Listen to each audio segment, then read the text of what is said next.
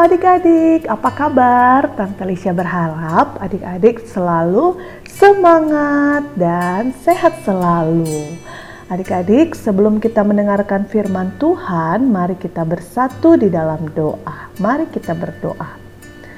Terima kasih Tuhan untuk hari ini. Kami sungguh bersyukur kami anak-anakmu selalu semangat, sukacita dalam mendengarkan firman-Mu. Saat ini kami sudah siapkan hati dan pikiran kami untuk dapat menerima firman-Mu.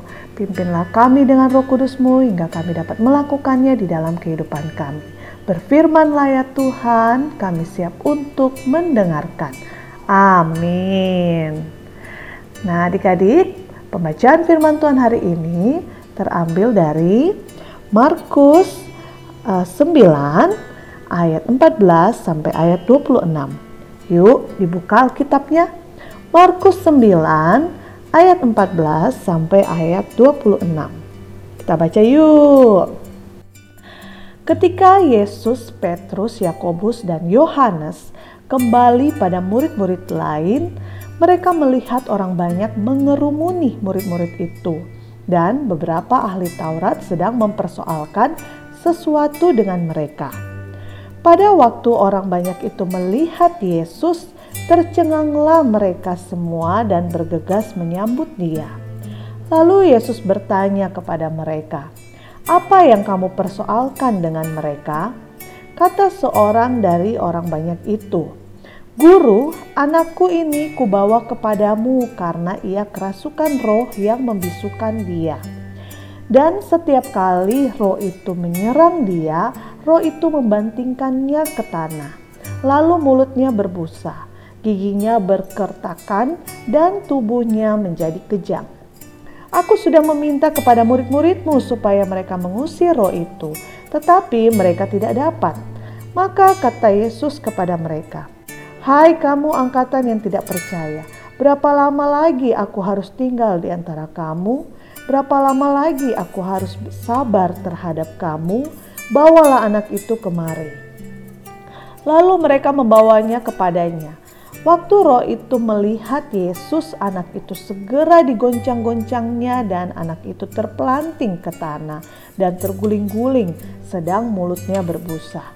Lalu Yesus bertanya kepada ayah anak itu, "Sudah berapa lama ia mengalami ini?" Jawabnya, "Sejak masa kecilnya." Dan sering kali roh itu menyeretnya ke dalam api ataupun ke dalam air untuk membinasakannya. Sebab itu, jika engkau dapat berbuat sesuatu, tolonglah kami dan kasihanilah kami. Jawab Yesus, katamu, jika engkau dapat, tidak ada yang mustahil bagi orang yang percaya. Segera ayah anak itu berteriak, "Aku percaya, tolonglah aku yang tidak percaya ini." Ketika Yesus melihat orang banyak makin datang berkerumun, ia menegur roh jahat itu dengan keras katanya, Hai kau roh yang menyebabkan orang menjadi bisu dan tuli, aku memerintahkan engkau keluarlah daripada anak ini dan jangan memasukinya lagi. Lalu keluarlah roh itu sambil berteriak dan menggoncang-goncang anak itu dengan hebatnya.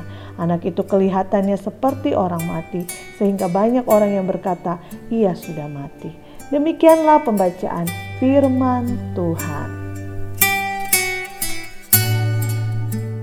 Adik-adik, tadi dalam Firman Tuhan kita sudah dengarkan bersama bagaimana Tuhan Yesus itu hebat, berkuasa menyembuhkan orang yang kerasukan roh jahat walaupun dia sudah mengalami itu lama sekali, tapi Tuhan Yesus mampu, sanggup untuk melepaskan orang itu dari roh jahat. Dan dia menjadi sembuh adik-adik. Wah, luar biasa ya Tuhan Yesus. Saat itu banyak orang yang menyaksikan. Tapi Tuhan Yesus tidak mau orang banyak itu hanya menyaksikan. Tuhan Yesus mau semua orang itu percaya penuh pada kuasa Tuhan Yesus. Mereka percaya bahwa Tuhan Yesus sanggup menyembuhkan segala penyakit. Dan Tuhan Yesus juga selalu punya cara bagaimana menyembuhkan kita. Adik-adik saat ini ya kita sedang dalam masa pandemi di mana varian COVID-19 itu bertambah-tambah terus Tapi percayalah adik-adik bahwa Tuhan kita, Tuhan Yesus sanggup menyembuhkan. Dia punya banyak cara. Salah satunya nih adik-adik supaya kita bisa mengatasi COVID-19, Tuhan Yesus juga uh, memakai kita untuk memakai tim medis untuk memberikan vaksin kepada kita. Nah, adik-adik sudah vaksin? Adik-adik juga tetap menjaga protokol kesehatan? Nah, kita juga turut bekerja bersama dengan Tuhan untuk mendatangkan kesembuhan, mendatangkan uh, pemulihan. Nah, adik-adik, ayo kita mau sungguh-sungguh percaya, kita mau percaya bahwa tidak ada yang mustahil bagi Tuhan. Tuhan sanggup menyembuhkan kita, apa pun penyakit kita. Yuk adik-adik sama-sama kita katakan, kita mau dengan iman yang teguh kita katakan, aku tahu banyak cara untuk mengalami mujizat kesembuhan dari Tuhan. Sekali lagi yuk, aku tahu banyak cara untuk mengalami mujizat kesembuhan dari Tuhan.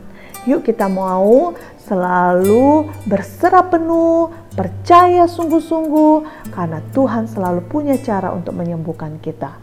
Mari kita satu dalam doa. Terima kasih Tuhan kami anak-anakmu boleh mendengarkan firman-Mu. Pimpinlah kami dengan roh kudus-Mu hingga kami sungguh-sungguh percaya, kami sungguh-sungguh menyerahkan. Kalau saat ini ya Tuhan kami sedang sakit atau ada di antara keluarga kami yang sakit, kami mau menyerahkan dan kami percaya Tuhan Engkau sanggup menyembuhkan kami ataupun orang-orang di sekitar kami. Terima kasih ya Tuhan di dalam namamu kami sudah berdoa. Amin. Nah adik-adik, Sekian renungan hari ini. Sampai jumpa besok ya. Tetap semangat, tetap jaga kesehatan ya. Dadah.